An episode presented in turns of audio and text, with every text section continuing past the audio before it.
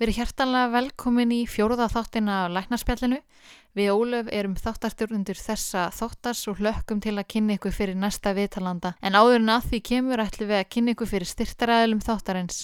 Fætu toga er verslun sem sérhæfi sig í gungugreiningum og hlaupagreiningum ásamt því að selja endurheimtar og stóðkerfisvörur og allskins hlaupavörur fyrir hlaupagarpin.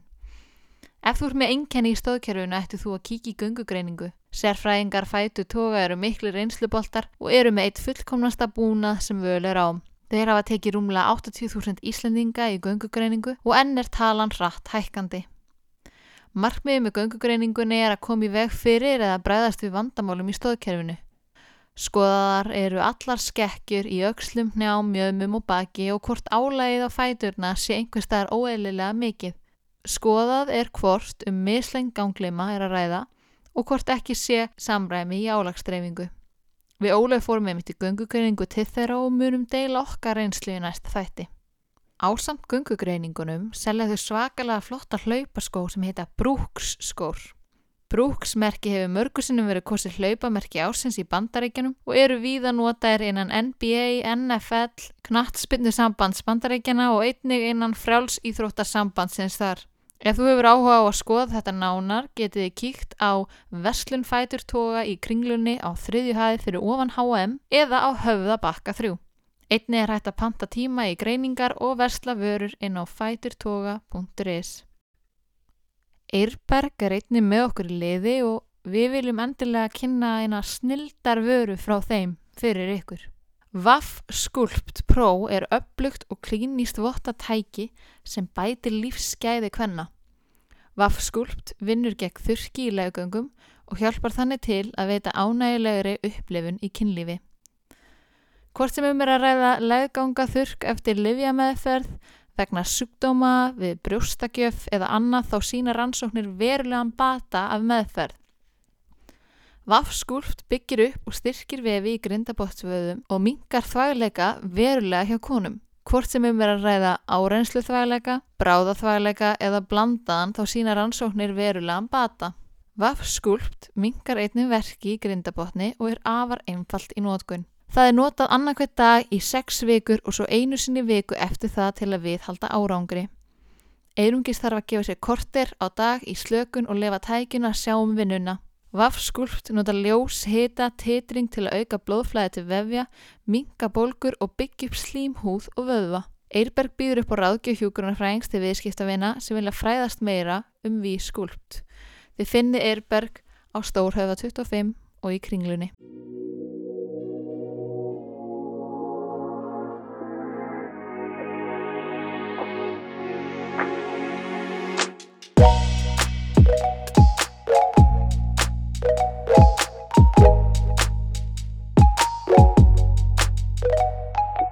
Hróðmar er fættur í Reykjavík árið 1950. Hann gekk í MH og kláraði læknisfræði við Læknadild Háskóla Íslands. Eftir útskrift held hann til Hólmavíkur í ár og syndi þar sveita lækningum. Hann kláraði svo kandidatsárið á Landakvort spítala í kjölfarið. Hann held út til bandaríkjana og laði stund á barnalækningar árið 1980, fyrst í Hartvard og síðar í Harvard árið 1983 þar sem hann laug sérhæfingu í barnahjæstalækningum. Jæja, þá eru gæsti neinu öðru að býða, við skulum gefa hróðmari orðið.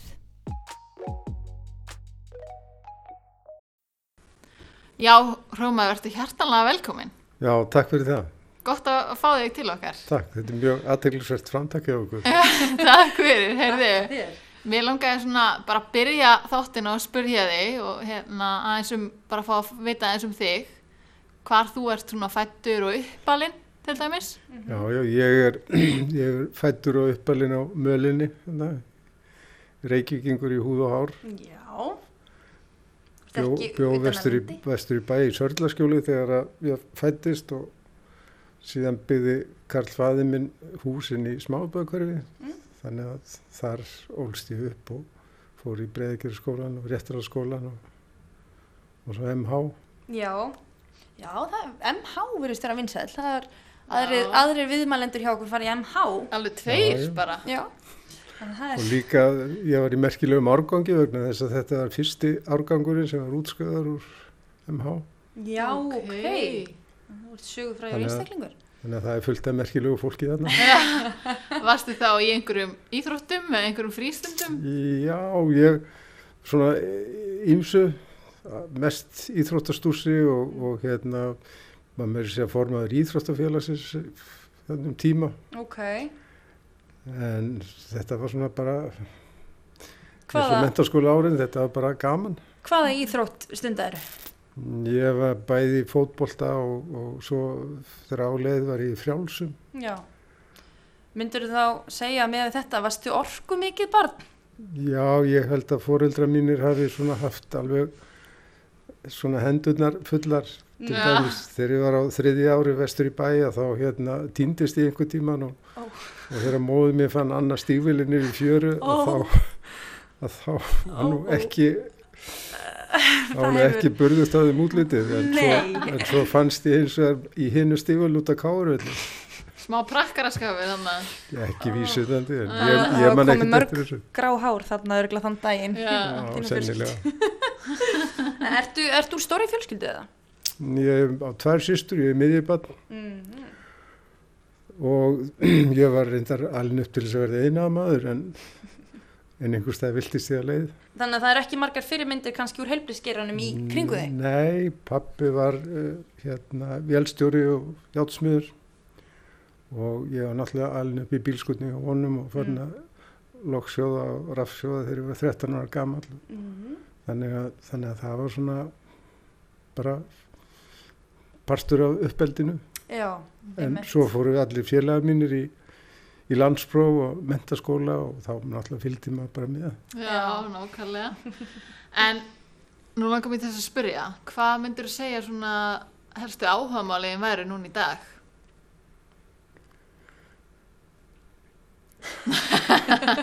Sko, Erfið spurning Það er svolítið erfið spurning sko, aðal áhagamálinn hafi verið í gegn tíðina náttúrulega bara læknisvæði þess að sko vegna þess að vinnan hefur náttúrulega verið á köplum yfirgengilega mikil mm.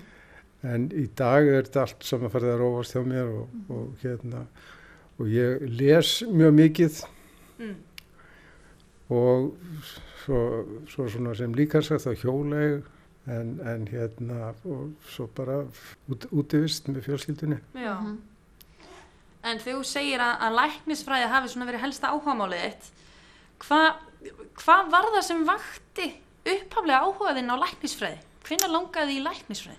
Sko, móðið mér segir það að þegar ég var fimm ára hafi ég ætlaði að verða læknir en, en ég vil eiginlega ekkert kannast í það vegna þess að alla mína skólagöngu ætlaði, hvartlaði ekki að mér og, og hérna og í mentaskóla ætlaði ég bara að fara í eitthvað verkfræði, eitthvað svo leið sko. Já, ok. Og þá gætna hann eitthvað sem tegndist vélum. Já. Mm nema svo þegar ég klára stúdinsprófið þá fyrir rælinni sótti ég um styrk til til Ameríku í nám mm. og var þar úti í, í eitt ár sem að var mjög skemmtilegt og maður bara nöð lífsins þar og, og hérna og var mjög mikið íþróttastús í þessum háskóla sem ég var í og var að læra bara efnafræðu starfræði okay.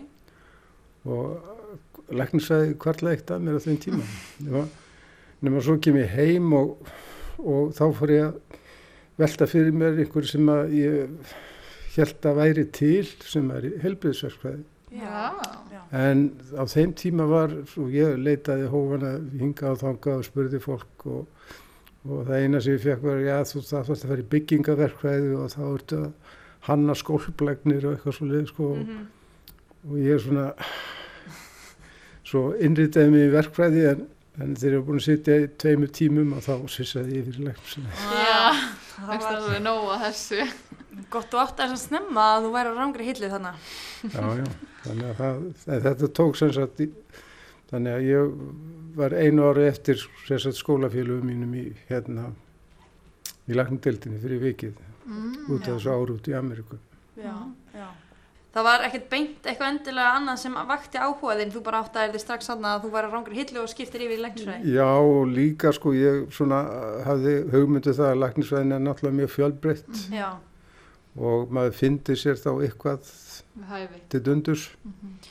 Já, ég man að ég íhugaði á tímabili sjálf heilbríðisverkvæði mm og svo var ég sko, já þetta er mjög skemmtilegt sko, fyrir utan kannski efnafræðina og hérna eðlisfræðina og kannski starffræðina þá var það lítið eftir heldur um bara, heldur um bara heilbrið eða svona lífræði parturinn þannig að þá, ég var fljóta að streka það út af Herðu, Rómar, getur nokkur sagt mér hérna hvers konar sermöndun þú hefur á bakinu?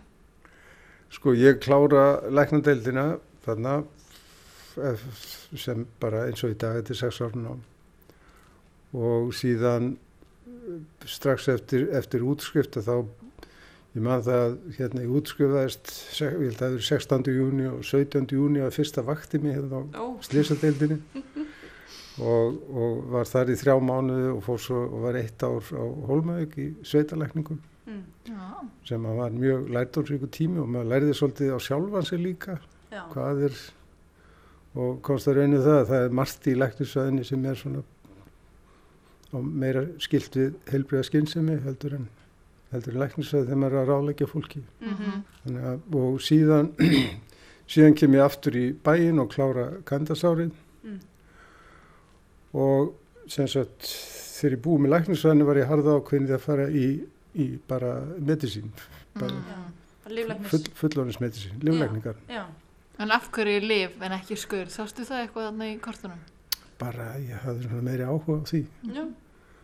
Og, og hérna ég, ég veit ekki hvort ég myndi velja þannig í dag en, en hérna, allavega var þetta alveg ásötningum minn mm -hmm. og ég hefði tekið kandasárið út á landakoti mm. þegar landakot var alveg spítali Já, já og hafði mjög gaman að því og svo var búið að þegar ég var búið með kandasárið þá átti ég eftir tvo mánuði til þess að fylla upp og var með hérna svona stutt að tvekja mánuða stöðu á barnaspítalunum mm. nema svo var búið að lofa mér stöðu út á koti og ég var ánæg með það og svona, svona hérna aðstoflæknistöðu sem við kallum súbykandastæði þetta mm. nema svo þegar ég held ég verið að fara undir, skrifa undir hérna ráðningarsamningin og þá kom ég ljósa þegar þeir voru búin að ráða annan mann og ég ég hef enga ráðningu, tveir mánuður á batnindildinu og þá sótt ég um sagt, árstöðu á batnarskvítalunum nema vikingur sem var þá profesor og hann sagði við mig blessaðu og svo glimtu þessu. Það eru fullt af fólki sem ætlar að sækja um sem eru undan. Bara ekkert að vera að sækja um. Nema ég sótt hennu sagt um og svo kom hann til mín komiskur þegar umsvöldu frestur rann út og sagði, heyrðu, ég verði vist að ráða það, það svolítið engin annar um. Þannig að þú varst réttum maður á réttum stað. Þannig að það var svona. Og ég hef stundur sagt að þegar fólk hefur spurt mér sko, hvaða sérgrein ætti ég að fara í? No.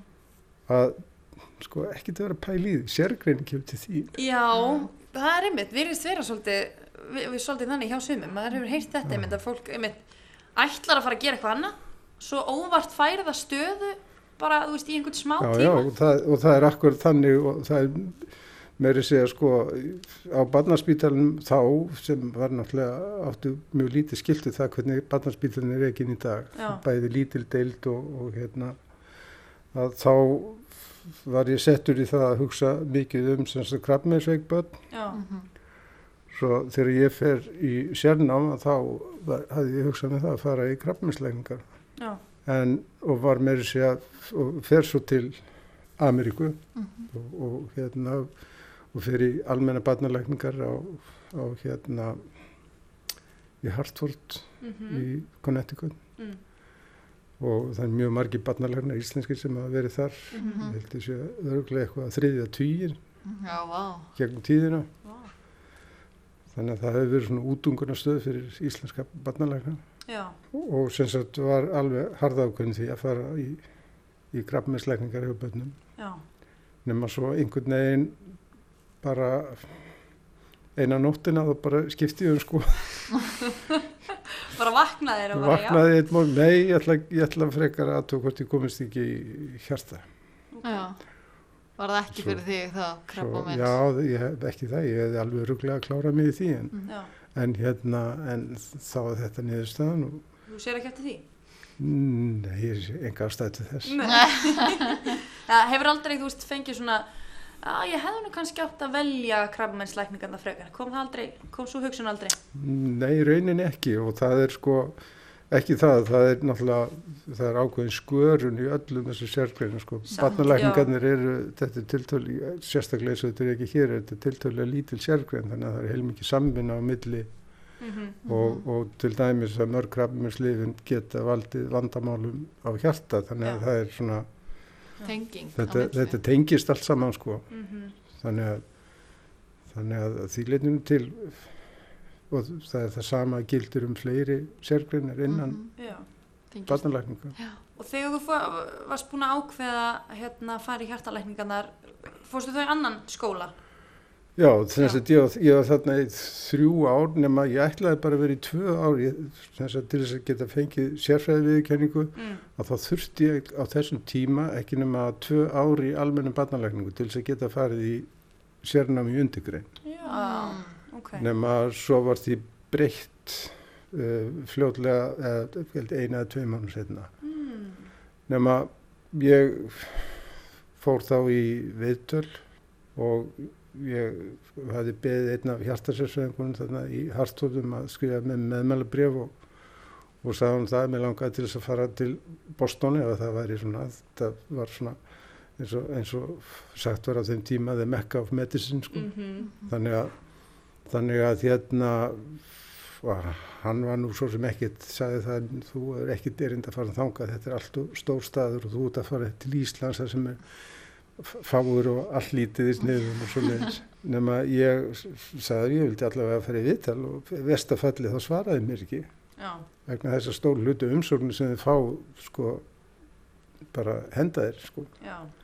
nema ég fikk svar og, og hérna gjör svo vel þú mátt koma og ég fór var þarna einn dag með þeim og talaði fullt af fólki og bara gekk ágætlega. Mm -hmm. nema svo í lókdagsins að þá spurði yfirlæknin þarna sem þá var hvort ég hérna væri tilbúin til þess að taka stöðuna. Og ég segi bara já, já. En þá sagði já, en þá þarf þetta að taka eitt viðbótar ári í almennum barnalækningum. Og okay. klá, kláraru það. Og ég sagði bara allt í lagi, bara gera það þannig að þá varstu bara komin inn þá var ég bara komin inn mm. og ég byrjaði þar sem sagt ég fyrir út til Hartford 1980 og síðan 83 mm. til Boston og er það til 86 Já. Já, wow. og þá flytt ég bara meðlega heim Já, okay. En þegar þú varst í bandaríkjunum varstu einn eða varstu með fjölskyldina? Ég eða? var með fjölskyldu sko við, ég og kona mér þáverandi við hérna erum komið tvö börn strákurum var 7 ára og stelpa var á þriði ári. Já, ok. Hvernig var það að vera með börn? Þannig að sko þetta er náttúrulega ekkit vit sko. Bara að fara til Ameríka allavega þessum tíma er bara sko ég myndi ekki ráleika neinum að fara aðeins með fjölskyldu Nei. bara út af því hvernig fyrsta að vísu sko þetta er betra í dag. Þetta Nei. er ekki eins mikið vinnu álega eins og þetta var Vissur þú að álægi væri svona eins og það var áður og fóst? Já, já. já, þú vissir það, þú vissir hvað það fara úti Já, já, já. En af hverju þá bandaríkinn? ég veit að ég bara það var talsveit gert um það að, að hérna uh, ungleikna færi til Ameríku í sérnám mhm. á þessum árum Já. og og undatæringalauðs komu þeir svona vel versiraðir heim þannig að mér fannst það bara einhvern veginn taldi mig fara og fá betra sérnám já, já. en þetta var svo sem hérna, og ekki það, ég bara, það var æðislegt í vinnunni, þetta er náttúrulega svolítið erfitt fyrir fjölskylduna. Já, þetta. En náður þú eitthvað að vera inn í, inn í félagslífinu í Harvard, eða? Elska mig. Já, í hundra tíma vinnu. Varst það ekki líka einhverjum klubb og hérna? Það er bara glimtu. Glimtu, það er bara, það var bara vinna og svo heima svo. Já. Hvernig voru vaktirna einn að þú uppbyggðar? Varst það mæta bara fjögur, fimm á mónana eða hvernig? Nei, það er svolítið misjað sko. Yfirleitt, yfirleitt mætti maður bara millir 7-8 mónana. Já, ok. Og, og hérna á vinnudagurinn yfirleitt til svona 6-7 eitthvað sluðis. Mm. En maður fór ekkert heim fyrir maður bara búin með það sem maður tilværi ætlast að maður inni. Já, ok. Það er bara, er, þú tekkar ekkert bara úti á klukkunar fjögur. Nei. Heldur þú bara klárar þín verkefni og, og þá ferður heim og, og, og hérna fyrsta árið sem ég fór út í almenna barnalegn þá var ég á þrískiptu vöktum sem sé þriðjakvöld sólartingavakt og þá vann maður sem sagt daginn áður og daginn eftir líka þannig að, þannig að þetta var alveg einn yeah, okay. stryglota í góða 30 tíma sko. Gast eitthvað lagti upp á svíðhæla? Það fór bara eftir í hvað mikið að gera. Já, já. já ok, þannig að stundum Þegar, ekki. Já, já, það, er, það kom fyrir og ég, og svo þegar ég fætti Boston sko að þá hérna fór, gekk ég um þarna spítalinn og það var svona einna strákur sem var á þriðja ári í, í sérnámi sem að síndi mér sko og eitt af því sem að síndi mér var herbergið það sem þið sváu. Já. Það var eina skipti sem ég sá það. Ó ég minn. Þetta er svakaðvegt, en nú er Harvard mjög eftirsóttu skóli. Var ekki mikið samkeppni þá bæði í náminu og til þess að komast inn? Ég bara, ég hefði ekki tilfinningu fyrir því vegna þess að sko, vegna þess að ég reyni vissi ekkert sko hverju voru að keppa við mig. Já. Heldur bara ég var kallaður hann í viðtal og, mm -hmm. og hérna og síðan var það bara þeir sem að töluðu við okkur sem að sem að hérna ákvaðu síðan sko hvort að og hverja þeir vildu fá mm -hmm. og það er náttúrulega fyrst og fremst þeir að hugsa um sko bara eins og þeir eru að ráða fólk í vinnu að, að hérna að er, er viðkomandi hæfur mm. og er, getur hann kommunikerað mm -hmm. og svo framvegis og þannig að þetta eru svona þetta eru svona basic hlutir sko sem að viðkomandi að staðinu fyrir yfir þannig ég hafði ynga tilfinningu fyrir því Já Er er eitthvað svona sem þú hefði viljað vita samt áður en þú fóst í þessa sérgrein? Áður en þú byrjaði þarna? Nei, ég vissi nokkur neginn út í hvað ég var að fara. Já, var ekkert svona sem kom þér á óvart eða ekkert tannig, ekkert sem mannst eftir kannski? Það eina sem kom mér óvart var hvað þetta var skemmtilegt. Já, ok, það er ekki verið Það var bara, það var eiginlega bara ég hefði bara ánægi að því frá fyrsta degi að því sem ég var að gera og það náttúrulega skiptir alveg rosalega miklu máli þegar vinnuálega er svona mikið já, mhm. þannig að þá nálgastu hlutina frá allt öðru sjónarhóðni mm -hmm. En ef það er einhver hér sem er að hlusta og hefur áhuga á þínu sviði hvert ætti þessi aðilega að leita sér upplýsinga myndir þú segja? Þú veist þá ertu að tala um já, fyrir bandaríkinn til að læra bandaríkunum Já, já. hjarta Það, já, sko ef við komum að læra í bandaríkju eða fara í sérnum bandaríkjunum og þá er það náttúrulega að ferða eftir því hvað sérgrunin er að fara mm. þegar hann er að fara í líflækningar að tala þá við einhvern sem hefur verið í líflækningum mm -hmm. og sem hefur sambund þetta byggst allt á sambundum mm -hmm. þetta er allt saman þetta er svona þetta er bara tengslanett sko einmitt Og, og við erum með mjög góð, til dæmis á barnaspítalum hefur haft mjög góða tengingu einmitt til Hartford og þar hafa mjög margir íslenskir barnarhengst komið og já. verið þar í sérnámi mm -hmm. og, og sömu leiðis er, er sko barnaspítalin í, í Hartford, hann er mjög góður í þýletinu til að þú stendur þig vel mm -hmm. að þá kemstu áfram í undirgrein svona alltaf því eins og þig langa til sko. Já og það skiptir rosalega miklu máli að þú hafir þá vegna þá færður bara aðstofið það að komast þangað sem að hugur stefnir sko. En þú talar um að þú veist, sást mjög fljótt að þið fannst þetta skemmtilegt. Já. hvað er eitthvað sem þið finnst skemmtilegast? Er eitthvað svona sérstækt sem að vekur alveg alltaf mikinn áhuga hjá þér? Sko ég hef haft mikla ánöði annars vegar sko að vinna við sko Nú, nú er sko hjertalegninga á börnu sko þetta er hérna það er svona eiginlega nokkrið þættir sko sem eru sem eru náttúrulega tengjast allir einhvern veginn. Mm -hmm. Númer eitt er að það er mjög mikið um myndgreiningu mm. eins og til dæmis maður omskoða hjörstu daginn út á daginn mm -hmm. og þetta er svona lífandi rannsók. -hmm.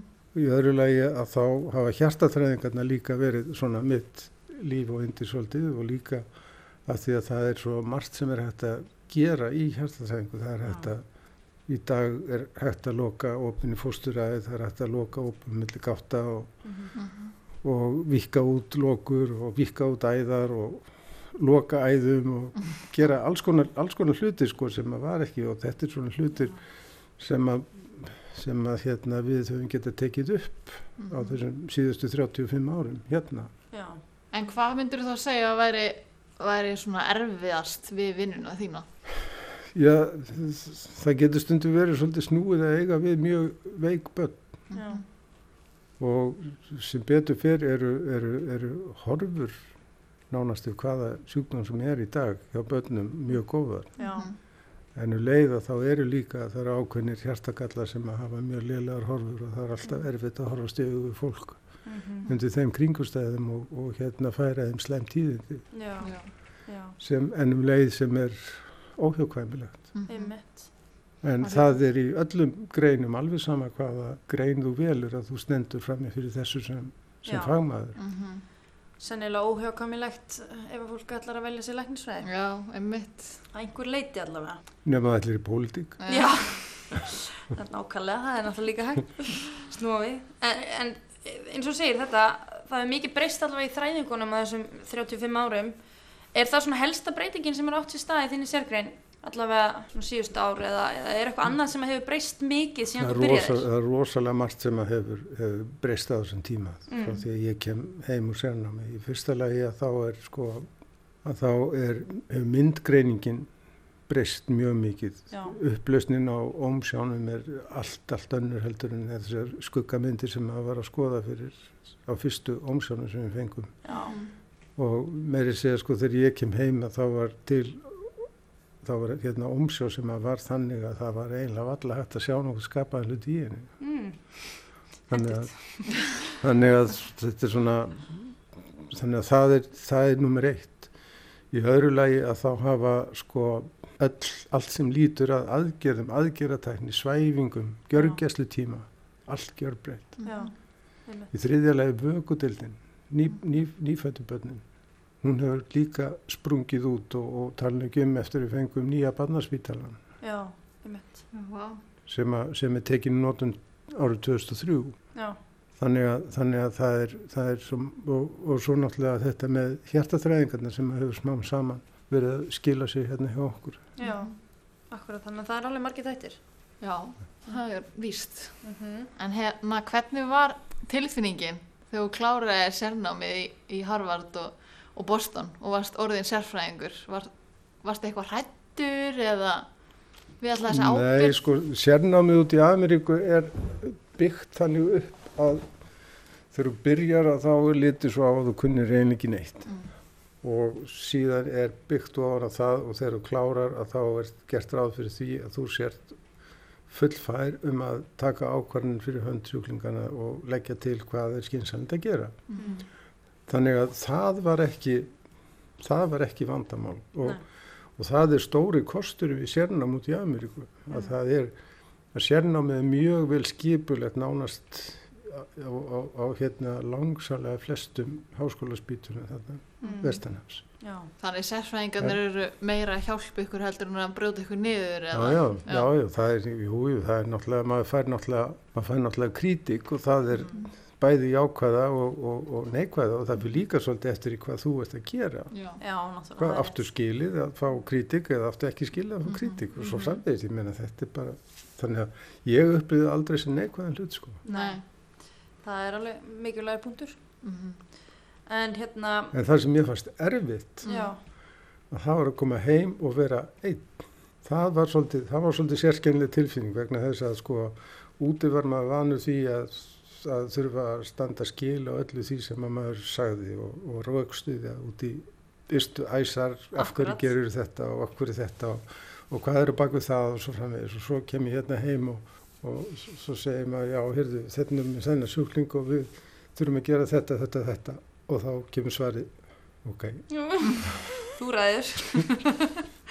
já, það var enginn sem að, Þannig að- það var, það var svolítið erfitt þannig að Já. það var svona það var svona svolítið eins og tómarum sko Mm. já, en bara þetta var svo frábært starfsfólk sem að var á bara, og hefur verið í gegnum tíðina að það, það leistist sko allt saman já, já, já, fekk farsala, farsala með farveg. Já, já. Uh, flestum, ef ekki öllum, þykir tilöksunin um veik börn mjög erfið. Hvernig tekstu á við það andlega að vinna með börn og sjúkdóma á hverjum degi? Stór spurning. Já, Svolítið stór spurning. Ég svona, Það er margir sem veltaði fyrir sér, læknar sem fara út í það að vinna með börnum og tilöksunum við það að, að bara, já, sjá veik börn að hverjum mhm. degi, það, þetta, mörgum finnst þetta mjög yfirþyrmandi tilhugsun. Já, ég held að bara tilhugsunum það að láta gott að sér leiða, ég held Já. að það sé kannski það helst að ég er náttúrulega á fullta börnum sjálf, ég er sex börn sjálfur sko. Já. Á ýmsum aldri eins og sér, frá 11 ára upp í 45 ára. Já, það er ágættið spil. Ágættið streifing. Ágættið streifing. Já, já, en það en það tvíkiptur þrjú börn með hvori konu. Það er ekkert að gera þetta allt í einu maður. Fýtt að dreifa þessu yfir tímafinn þannig að, þannig að hérna, þannig, já, þannig að það er eiginlega það sem að vakti fyrir mig. Og fyrir utan það mér fannst þetta bara interessant starfsumhverfi. Mm -hmm. og líka annað sem að mér finnst skipta mjög mjög mjög máli að það er þessi kommunikasjónu við fóreldra já. Mhm vegna þess að börni náttúrulega þau gefa ofta ekki sjúkrasöguna nema þau orðin svolítið stálpuð sko. Já, og, og ég með þess að þegar ég fá fullorði fólk að þá saknaði sundum svolítið að það sé ekki einhver með. Já.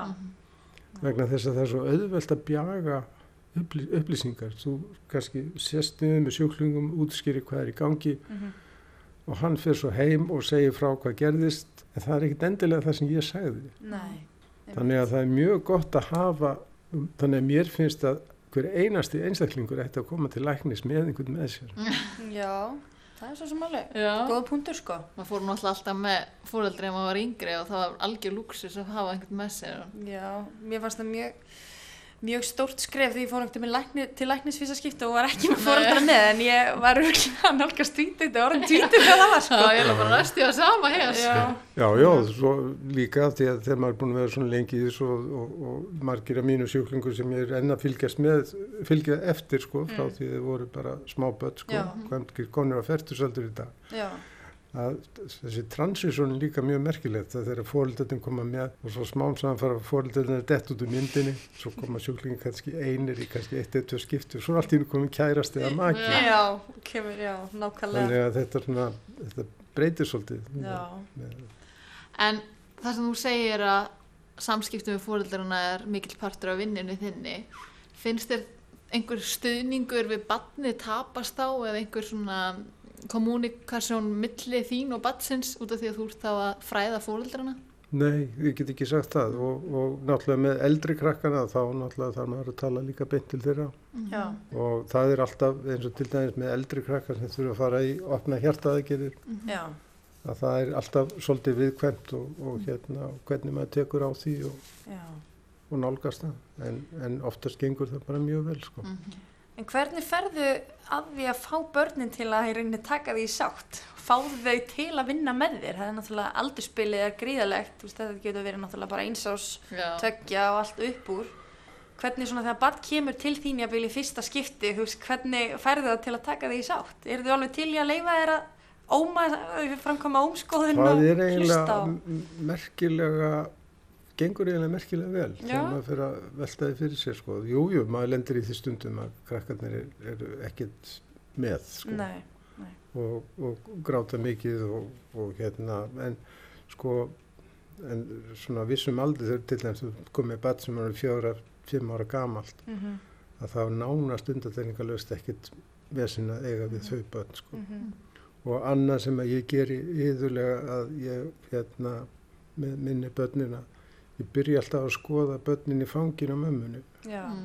og stundu viljaði ekki láta hlusta og, og þá kannski bara byrja með já, skoða hendun kannski hérna.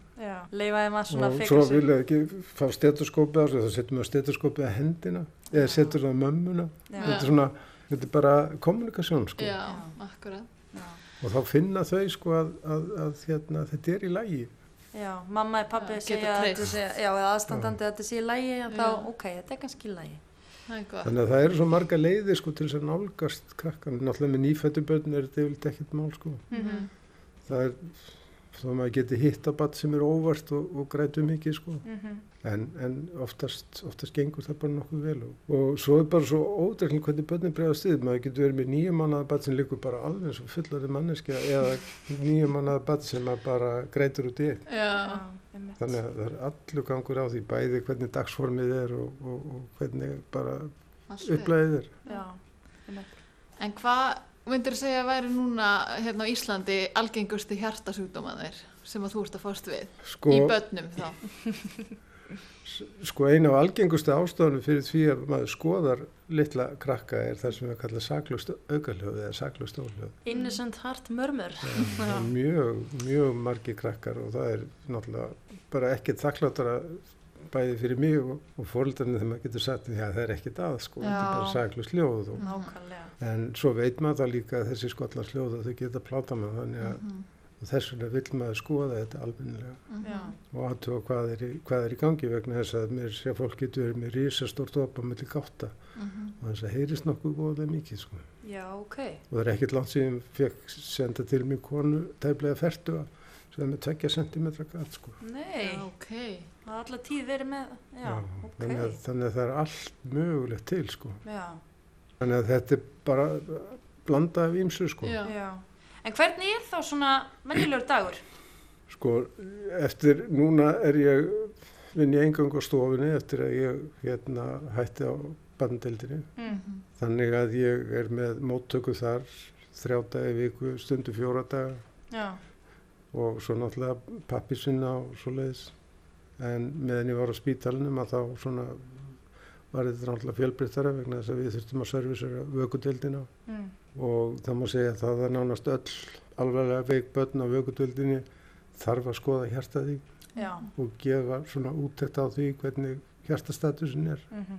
uh, sömulegis eru margskonar vandamál í fyrirbörnum op opið fósturæð mm -hmm. hár lúnaþrýstingur svona lúnaháþrýstingur og, og þarf undir gotum þannig að það er það er stór þáttur af starfin á spítalinn, það er að sinna vökkundilin, síðan eru hjartaþræðingarnar mm.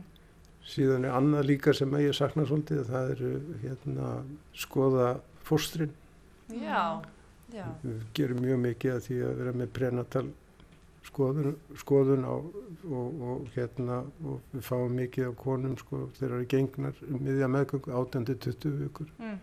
og af alls konar ábendingum mm -hmm. ef þau á hvernadildinni finnst eitthvað aðtöðavert að sjá og þá býðu þau gætnum um að fórstur sér skoða betur Já. eða ef það er einhver hjarslatur órugli fórstrinu eða ef að móðunum eða sigusíki og svo framins og framins mm -hmm. þannig að það eru alls konar ábendingar sko fyrir hendi mm -hmm. þannig, að, þannig að þetta er svona veiga mikil partur af þjónustunni líka sem að barna hérstalarnir og barnaspítalinu veita Já. En hjá óleitum konum, hvað ef það er bann með hjartakalla er eitthvað sem þið getur gert í því á meðan meðgöngu stendur? Sko það sem er kannski það sem er horfurna við flesta hjartakalla eru orðna það góðar mm. að þá er kannski veigamest í parturinn að það er að upplýsa fólkið og undibúa það undir það sem er framöndan mm. staðin fyrir að eins og til dæmi sem maður getur hugsað sér eins og maður lindir miklu meira hérna áður fyrir að, að hérna, þú veist með nýfætt bann og það er kólblátt og engin veit neitt hvað er í gangi Já. og svo kemur ljós að það er kannski með viksluna stóru slagaðanum mm. sem er gallið sko sem er ómeðhundlaður þá degja börnin á fyrstu vikunni Úf, úf, úf, og þá þarf maður að setjast niður með fólkinu og segja heyrðu þetta er í gangi og þetta það þarf að gera aðgerð og það þarf að fara með okkur til útlanda í kvelli staðin fyrir að vera búin að undirbúa fólk mm -hmm. fyrir hvað er Framönd. í gangi og sætta sér við hvað er framöndan Þannig að fórstugreiningin gegnir alveg gríðarlega mikilvæg þó ekki verðin út af því. Já. En svo má líka segja það að, að hérna, það eru ákveðni gallar eins og til dæmis uh, hérna, hýpoplast vinstra hjarta. Mm. þar sem að vinstri hluti hjartans er bara eiginleikin eitt neitt mm. og jáfnveil ósæðin lókuð og okay. mítuloka jáfnveil lókuð líka. Mm. Að þá er þá er gluggi sem sett við 18-19 viku þar sem hægt er að framkalla fórstulát og, og hérna staðin fyrir að vera annars vegar er möguleikið þá að missa barni fljóðlega til fæðingu mm. eða fara í aðgerðapakka sem er mjög, mjög riski og, mm. og hérna og fer oftast ekki vel sko. Nei, en þegar þú varst á upp á spítala voruð þið miklum samskiptum við skurlækna? Hjarta skullækna? Já, já, bæði, bæði okkar, bæði skullækna hér á landsmítalunum og eins líka í þessum löndum sem við hefum sendt því að því að á þessum tíma sko þegar ég kem heima þá eru flesti sendið til Englands í hjartaðegir, opna Mhm. hjartaðegir Mhm. og síðan flytjum við þetta í Boston og erum þar í nokkur ár Mm. og núna síðustu tíu árin að þá hefum við sendt til Lundar í síðu Já, einmitt. þannig að, þannig að það er hérna, það er óhjákvæmilegt annað vegna þess að við náttúrulega þurfum að leggja upp greininguna fyrir skullagnum og, og þannig að þeir viti hvað það á að gera Já. En hvað, hérna, þú sérðum þræðingar, er einhverjar aðrar svona litlar aðgerðir sem að þú hefur verið að sjá um sjálfur? Eða er það aðrar ég, nei, ég held ekki á nýpnum sko. Nei, ég hef ekkit, ekkit skipt mér að því sko. nei, ok.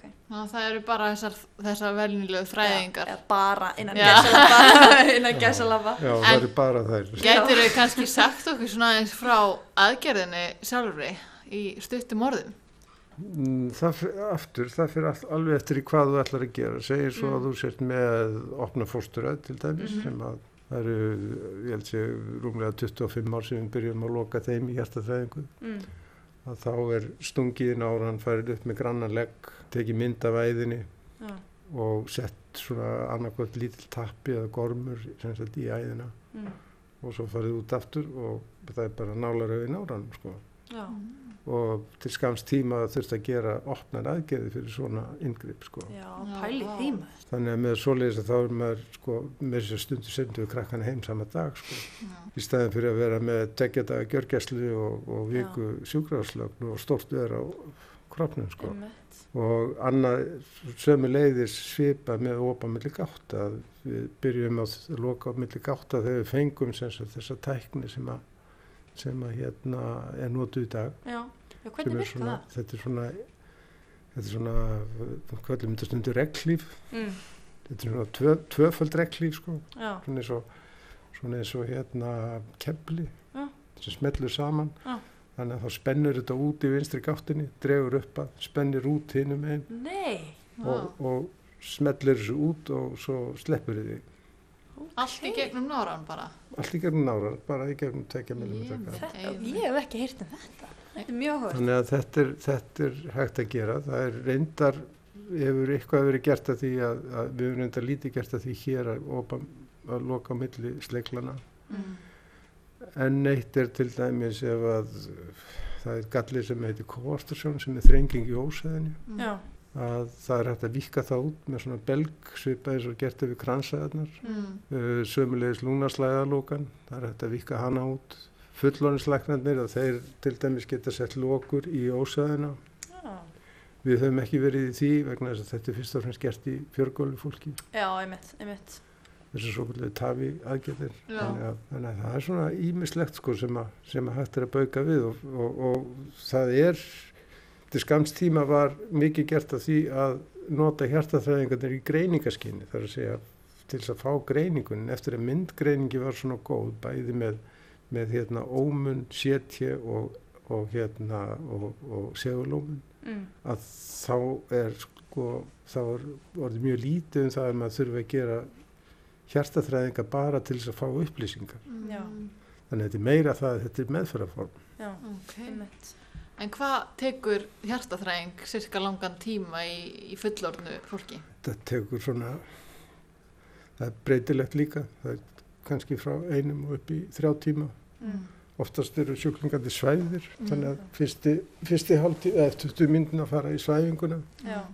Þegar við erum með kodnabötna þá tekur það líka eins og til dæmis með börn sem eru með vikslunum stóru slagaðanum að, að þá rýfum við á milli gáttana til þess að auka blöndunina þangað til, til að hægt er að setja barnið í aðgerð. Mm. Þannig að það er líka eitt af því sem er gert.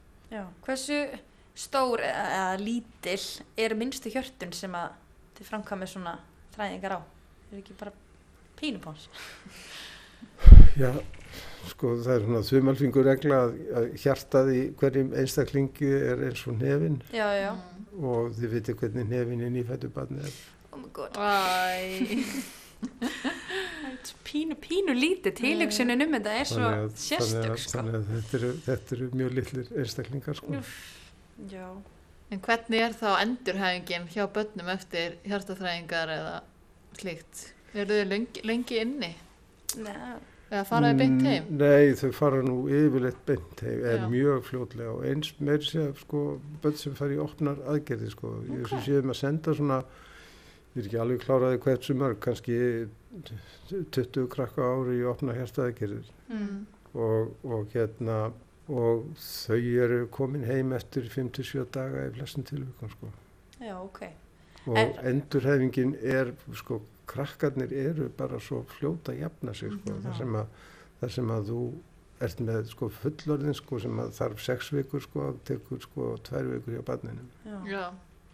Er það kannski líka það sem að dróði kannski í þetta starf, hvað börn eru harkjarð, hvað þau eru fljótt, eða þú veist, seig í mm. rauninni, hvað þau geta hafa, geta jafna sig ekki, vel. Ekki það að ég hafi hugsað úti á þeim. Nei, nei, einmitt, eða þú veist, ég veit að sumir, hérna, sem að það fari í barnalagningar, þú veist, það hefur hrifið á hvað börn eru, seig. já, og bara hörða af sig, eða mm. svona, þú veist, þau... Já þau batahorfurnar eru oft svo miklar Já og ég held að það sé líka sko það sem að er sko eins og ég segði á þann að maður vill láta gott að sér leiða og, og það eru svo, það er svo margt sem að hægt er að gera fyrir krítist veikbönn með góðum árangri hvort sem að það er hjartað eða hvort það er illkynja sjúkdómur eða nýrna vandamál eða Já. og svo má lengi telja þannig að er, þetta er allt saman sko þetta er allt saman hluti sko sem er hægt að takast á við þetta. Mm -hmm. Já, einmitt. En hvað er svona það helsta sem bendur til að eitthvað getur verið að hjarta, hjartanu í banninu sem þú ert á sinna? Hvenna greinist svona helst hjá banninu? Hvenna eru þau sendið sko, í greining? Sko alvarlegustu gallarnir stundu vitum við af þeim áður en að banni færi. Já, einmitt, eins og, eins og komst það. Þannig að það er oft með alvarlegustu gallarna að Já. við vitum af því og, og hérna erum búin að undirbúa fólki. Já. Uh, stundum sleppa krakkarnir fram hjá kerfinu svolítið og, og sleppa út af ég meina ég fengi, fengi börn sko sem er mjög alvarlega galla sem hefur ekki fundist fyrir þeirra sex vikna. Okay. þannig, að, þannig að það er allur gangur á því sko en, en það er algjör undatekning samt mm, sko þetta já. er oftast erum við búin að finna vandamálinn miklu fyrr í dag og miklu fyrr heldur en var hérna áður fyrr sko.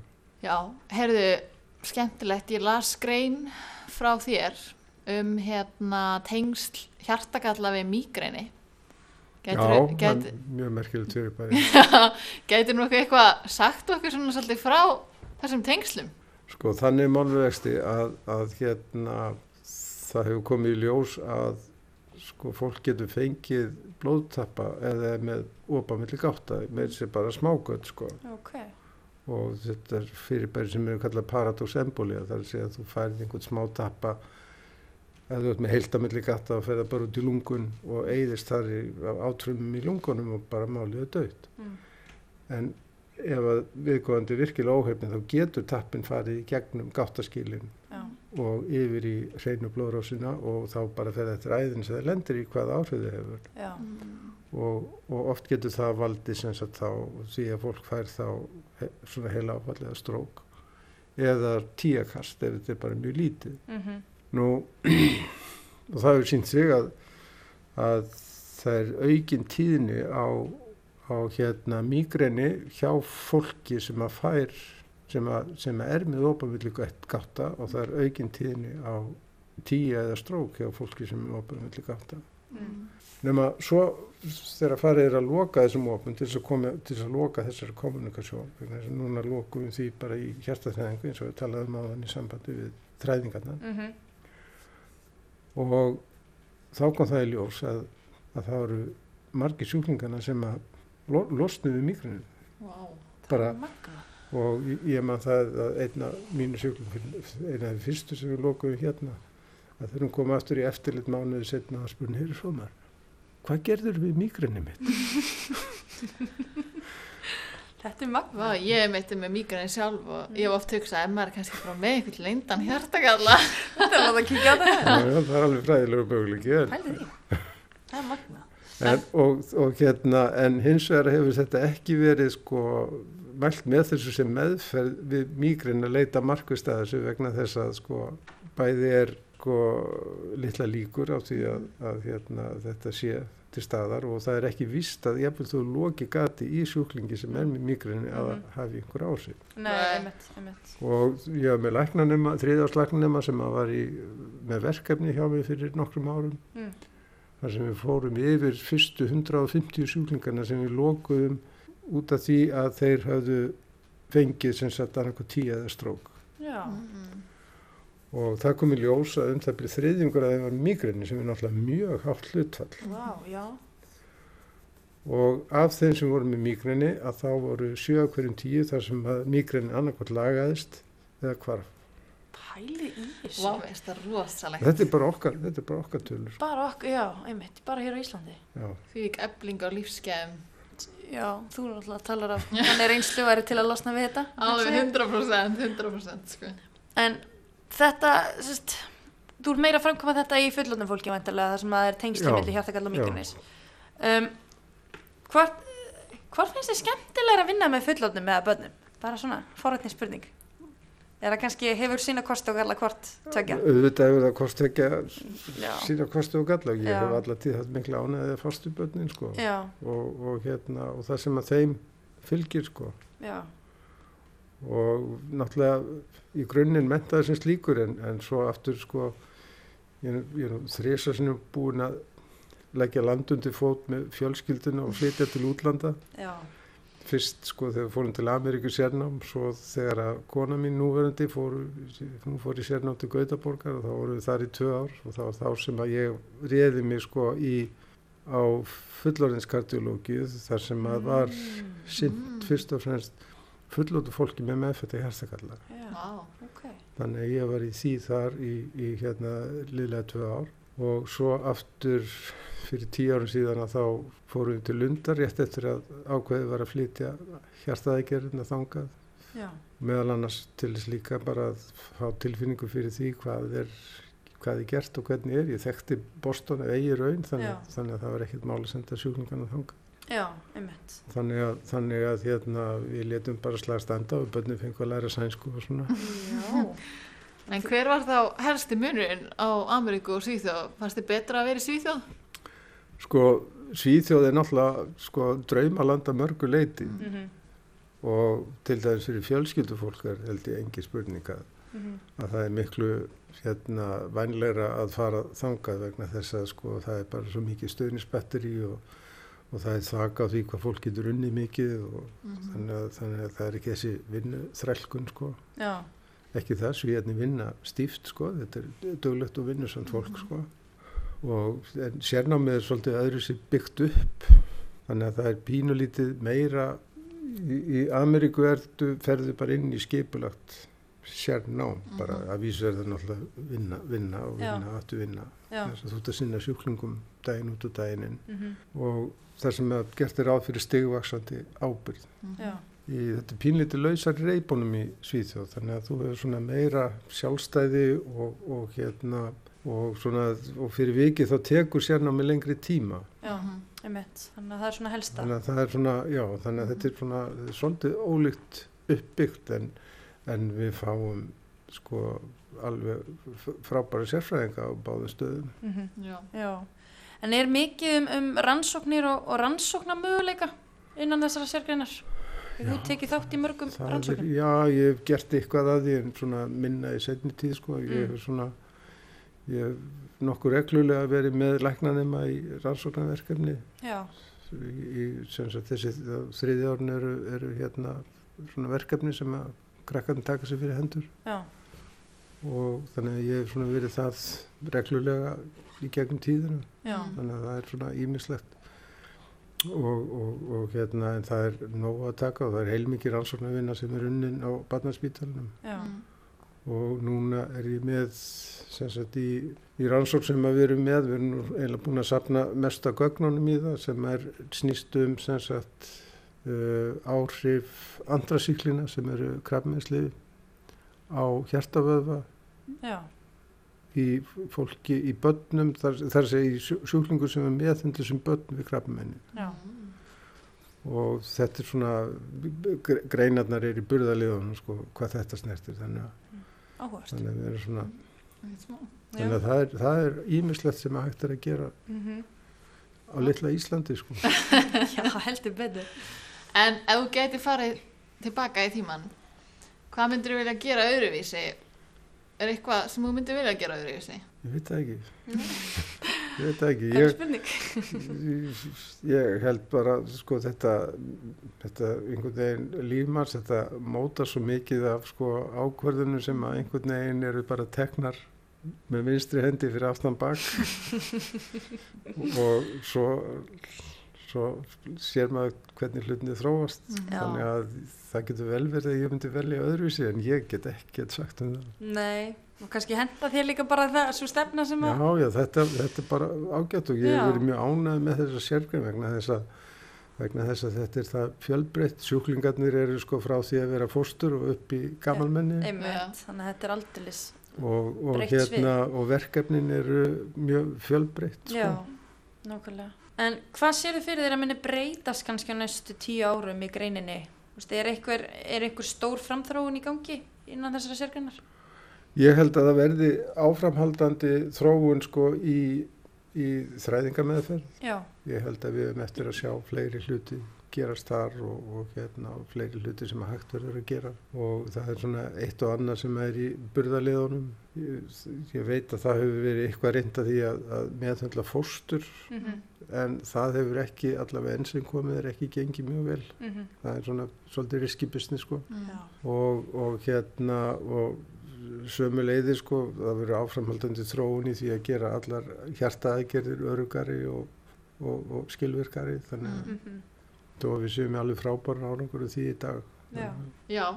Herru það er búin alveg æðislegt að tala við þig en mér langaði svona að lokum að, að spurja þig. Ef það er einhver hér sem hefur áhuga á þínu sérsvið eða bara læknisræði almennt hvaða ráð væri þau helstu sem þú myndi vilja gefa viðkomandi? Ég lofa síðast erfiða spurningi Hug, Hugsaði vel Ég myndi bara segja ef þú hefur áhugað, you go for it. Já. bara láttu láttu draumaðin að rætast Já. þannig að þannig, og við sko ég kem ekki úr lækna fjölskyldu uppalega en svona svo þetta orðið hálkið lækna fjölskylda sko, kona mín er læknir og bróðir hennar er læknir og, og fóstursónu mín er læknir og, og svo einn í læknadeildinni og, og hérna þannig að þetta er svona Er þetta umræðunar í, í við matabórið í, matabóðunum læknisvæðin? Nei, það er sko það er eiginlega þú sko, svona eftir ákveðin tíma að þá sko passar þið á því að þú tala minnstu læknisvæði við kollegana. Já. Þetta er svona þetta, þetta, þetta, þetta tilir svolítið lækna náminu sko að hugsa um ekkert um að læknisvæði og sérnáminu líka og, og lesa ekkert um að læknisvæði og svo einhvern veginn sko svo ferða að komast á autopilot. Já. Þetta er kannski þauður samkómulega heima fyrir að ræða kannski bara ekki og þá bara fyrir að tala um eitthvað annað. eitthvað annað, já. nákvæmlega. En já, ég held að hérna, við getum eiginlega haft þetta lengra við erum hérna tíminn bara leipa frá okkur. Já, þetta er búin að frábært að tala við þig hérna Hróðmar og takk hjálpa fyrir komuna. Já, takk fyrir, bara. Já, við vorum að tala við Hróðmar Helgarsson, barna hjartalækni og þökkum honum kellega fyrir komuna. En við Óli vildum bara rétt svo minnast á að eh, endilega subscribe og fylgja okkur inn á öllum helstu podcastveitum og einnig að fylgjast með okkur inn á Instagram og Facebook undir nafninu Læknarspjallið en þánga koma allar nýja rauplýsingar inn um þættina og því gott að fylgjast með þar. Annars segjum við bara takk fyrir áhugan og hlustunina og vonum að þið njótið vel.